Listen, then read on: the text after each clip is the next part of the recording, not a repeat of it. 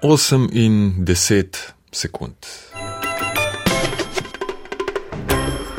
Jezikanje. Vsak petek ob osmih. Sekundic. Pardon, sekundic, uh, jutrček. Ob koncu tedna otroka bomo seveda tudi brali skupaj z njim, ker zadnji mesec beremo, ne? ampak prav tako pomembno, naučili se bomo, kako komunicirati z malčkom oziroma z otrokom, kaj je ne, ne, ne, ne, ne, ne in kaj je. Ja, bravo, bravo, ljubi, uh, Uršula, dobro jutro. Jutrček, smo lepo pančkali, ja, smo dobro pančkali, smo še vedno, ajan, ja, kdo pa je ajan. Dovolj. Že vadim za doma. Uh, ja, to je hitro uh, pretirano pri pogovoru z otrokom, ampak o tem strokovnjakinjo. Dobro jutro, sem Kaja Hacin Beazolu, sem razvojna psihologinja, delam na oddelku za psihologijo in se ukvarjam predvsem z področjem razvoja govora in razvoja mišljenja malčkov in otrok. Odnosno v jeziku staršev, naših sončkov in zakladkov. Ki okoli enega leta spregovorijo prve besede, uh, to je zelo občutljivo in intenzivno obdobje razvoja, se lahko v naslednjih mesecih dnevno usvojijo kar več deset besed. In takrat je ključno, da se odzivamo na malčkove pobude, odgovarjamo, pojasnjujemo in ponavljamo besede. V prvi fazi mora v bistvu malček šele ugotoviti, da imajo vse te stvari okrog njega poimenovanje.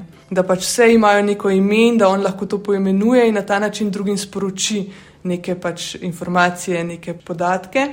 In na ta način v bistvu potem mi lahko spodbujamo ta razvoj, da pač se pravi obogatimo govor z nekimi novimi besedami in tako naprej.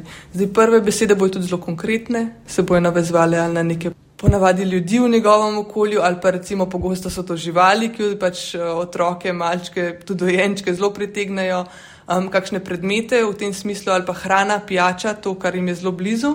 Ja, tisto, kar je ključno za preživetje, hrana, pijača, predvsem pa ljudje, ki jo prinašajo. In ki se jim hitro zgodi, da svoj odgovor, oziroma govor, ne odgovor, podredijo otrokovemu. Boš na neko papala, žabica, dejno, boš srčija, boš kruhija, no dej, dej, no. Dej za oči, ajde mal po mame, en grižljajček, ajde. Prrr, evo, avionček gre, avionček gre, evo, čez nebo, dajmo odprimo kljunček, evo, evo, šličkica, pa, pa, pa, pa. Kot prijazno pojasnjuje razvojna psihologinja dr. Kaja Hacen Beazolo. Kaj mogoče je taka včasih napaka, ki jo naredimo odrasli, um, je pogosto preveč pootročen govor.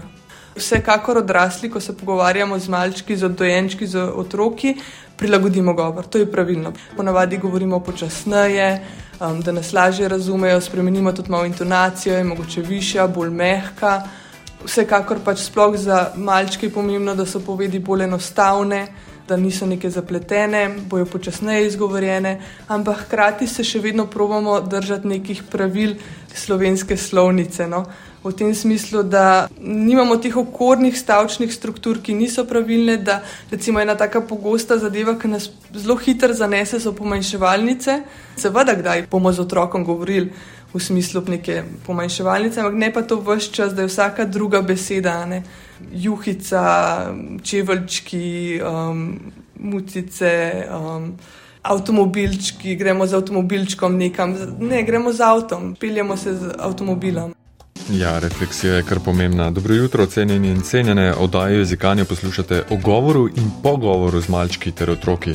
Cenimo tvojo pravilno sklanjatev z otroki in pri otrocih, um, kar je pomembno, ampak zdaj smo šele pri začetkih govora, torej pri malčkovih prvih besedah in mi, starši in skrbniki, moramo biti jezikovni vzorniki, tisti, ki ponujamo polnopomenske besede, seveda prilagojene starosti otroka. Mi smo tisti. Mi. Uh, ja. Nismo pa vsa govorna in druga dejanja vključeni vsi. Kar se rado zgodi, sicer je prav, da tudi z dojenčkom veliko govorimo in mu pripovedujemo, kaj počnemo, a ne z nenehno rabo množine. Zdaj smo podojili, zdaj bomo pa še ritko previli. Ja, ritkico, ritkico bomo previli, pa namazali ritkico, da ne bo peklo. Ja, buci, buc, buc, buc, buc, buc, kje imamo pa mi nogice? Ja, male lepe sladke nogice, ja, dvignimo v zrak, da lahko obrišemo ritkico. Zveni zelo prijazno in zelo ljubeče, kar je seveda pohvalno. Ampak je treba vse malce prilagoditi prigovarjanje otrokov v množini. Ja, ker najprej smo noseči, potem smo rodili in hitro se zato zapletemo še v podobne situacije pri pogovoru z odraslimi. Ja, mi smo tudi dobro, zdaj nam zobki rastejo, ampak se to tudi mine. Se pa tudi uh, že lepo, lepo dojimo, pa spimo kar po tri urce v kosu. Vsi veš, kaj pravijo. Še prehitro gre, potem so kar naenkrat vsi na faksu. A kako ste pa vi? Ja, mi smo pa zdaj v fazi ne. Ti povem, da to je za znorit. Trmasti smo, ne da se nikamor, ne moremo v trgovino, ne moremo v kino, pa ništa. Aha, aha, se že po tleh mečemo. Ja, seveda se. Ej, uživajte v zobkih, to ni še noč pošilja. Infantilščina smo temu nekoč uh -huh. rekli, pomešana z množinščino in kaj se vem, kaj bi to še bilo. Ja, ja. Ko ozavestimo, da se tudi to da zreducirati na situacije, uh, kjer nas je res več. Govorjenje v prvi osebi množine izpostavlja tudi doktorica Hacin Beazolum. Se pravi, da vse rata mi. Bomo se šli skupati, bomo šli spat, se bomo šli previt, čeprav je jasno, da v bistvu bo je otrok nekako tak, ki bo to naredil. No? Se pravi, seveda, da delamo tudi skupaj, če gremo vsi jesti, gremo vsi jesti, ampak probamo to v bistvu ločiti. Se pravi, kadar bomo otroka previli, se ne gremo vsi previti. Ne? To so neke zadeve, kjer tudi v bistvu potem na nek način otroku, potem, oziroma še prej malčku, pomagamo, da vidi te razlike v jeziku, da jih začne nekako srkati vase, da začne ločevati med temi različnimi načini, kako delamo potem z glagolskim številom in tako naprej. No? Veliko se dogaja naenkrat, malčki pa v prvem obdobju razvoja govora pogosto predmete in živali poimenujejo z medmeti. E, naprimer, kuža je ho-ho, avto je brr, e, malček pa ne bo jedel, temveč bo papal. E, Najna gostja pravi, da s tem ni nič narobe, pri tem ga ne popravljamo, a podamo poimenovanje kuža, avto, kosilo. Prav, torej vse čas otroku služimo kot jezikovni govorni model. Ampak to pa moramo priznati, včasih je pač bolj enostavno, če uporabimo njegovo poimenovanje. Ja, če že ne bolj enostavno, pa se nam zdi vsaj ljubko in posrečeno. Uh, je s tem kaj narobe, uh, da rečemo čapek za kečap ali nana za banano? Pogosto gre v bistvu za besede, ki so za malčke še preveč zahtevne. Palačinke, lubenica, kečap. Zdaj, tudi tako je. Ne? Ene te besede ratajo potem kar družinska tudi šala lahko. Tako da, če je kje kakšna, jaz mislim, da ni prav nič narobe. No. Ampak vsem, če pa tega več in tako naprej, pa ja, ponujamo ustreznice. Ne? Se pravi, čapalinke bi, aha, bi pa jedel palačinke, ljubenice ratajo ljubicenice in tako naprej. Se pravi, ne rečemo, ne, to ni to. Povemo, v bistvu ponovimo za ustrezno odgovorjavo. No, Malček mora v intenzivnem obdobju usvajanja govora večkrat slišati eno besedo, eh, zato je ponavljanje seveda izredno pomembno. S ponavljanjem utrjujemo spomin, s ponavljanjem utrjujemo spomin. Smo dojeli. Tudi zato je pomembno skupno branje in pogosto branje istih zgodb. Pogosto branje istih zgodb. Eh, sicer pa nazaj k začetkom govora. Pogosto otroci sprva zgolj kažejo na predmete in jih zahtevajo z besedami to, tisto. In takrat mu lahko ponudimo izbiro, uh, ter ga tako nežno usmerjamo k ponavljanju za nami. Naprimer, ko kaže na sok in ponavlja to, to, to, ga vprašamo: mleko ali sok? Sok. Ko ima, razvito, ko ima že bolj razvito besedišče, pa lahko obrnemo vloge in mi njega vprašamo, kaj pa to? Pozabil sem, mi pomagaš, kako se že reče temu predmetu. Kaj je to, kaj je to, kaj pa to, kaj je to? Sok. ja. Ja, tako sprašujejo otroci v fazi, ko začenjajo razumeti, da ima vsaka stvar svoje ime, svoje poimenovanje. Pri malčkih je mišljeno, eh, mišljenje konkretno in enostavno, pozneje pa postaja vse bolj kompleksno in takrat nastopi druga faza. Ob kateri kot starš ugotoviš, kako malo pravzaprav veš. To je pa zakaj faza? Ta je ponavadi veliko bolj naporna za starše kot kaj faza. Zakaj to, zakaj tisto, zakaj in potem verižite, zakaj je. Babi, zakaj pada dež? Ja, zato. Aha, ampak zakaj to? Ja, potem bo ta zakaj, zakaj, zakaj in ga ne bo v bistvu konca. To je v bistvu tudi nek znak, um, da po eni strani otrok govorno napreduje, se pravi, da začne odgovor uporabljati tudi za veliko bolj zapletena sporočila, za pojasnevanje stvari, in hkrati se tukaj zrcali tudi razvoj njegovega mišljenja, ker otrok začenja razumeti. Vzročno-posledične povezave. V tem primeru je tudi fajno, se pravi, da starši, ne glede na to, koliko je naporno, na to odzivajo, da razlagajo pa kdaj lahko tudi konec koncev vrnejo. Ne? Zakaj pa ti misliš, da je pač to tako? Kot pravi razvojna psihologinja Kaja Hacin Beazoru, eh, malčka s tem spodbudimo k dejavnemu razmisleku in hkrati s tem osvaja zapleteno slovnico, eh, da nimo stavčne strukture za izražanje pojasnjevanja, torej odvisnike. Ja, fino je, da otroku pojasnjujemo svet, a je dobro zanj tudi, da ga lahko opazuje brez našega upovedovanja, da vse čas ne usmerjamo njegovega zanimanja, kar želim povedati je, da dajte otroku kdaj tudi mir, eh, ko pa ste v komunikaciji, bodite eh, prisotni.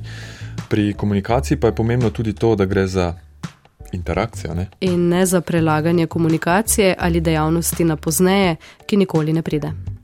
Ja, ja, uh, veš kako ne, 300 rečemo, 300. Uh, ljubi, ljubi, oče se pogovarja zdaj. Lej, oče, ima, oh, oče ima veliko dela za službo, lej, se, se ti mal zamoti, prosim, vzem knjigico. Dej, ne vidiš, da ne morem zdaj le, no? Samo še tole naredim, S srček, dino. A ti ima zdaj le čas zase, a ti ne more. Ne more zdaj, telefonček imam, telefonček, prosim. Dino, ne, ne viset na meni, da si malo zamot, pa bo mamica potlej s tabo, ok? Bo mamica, ok.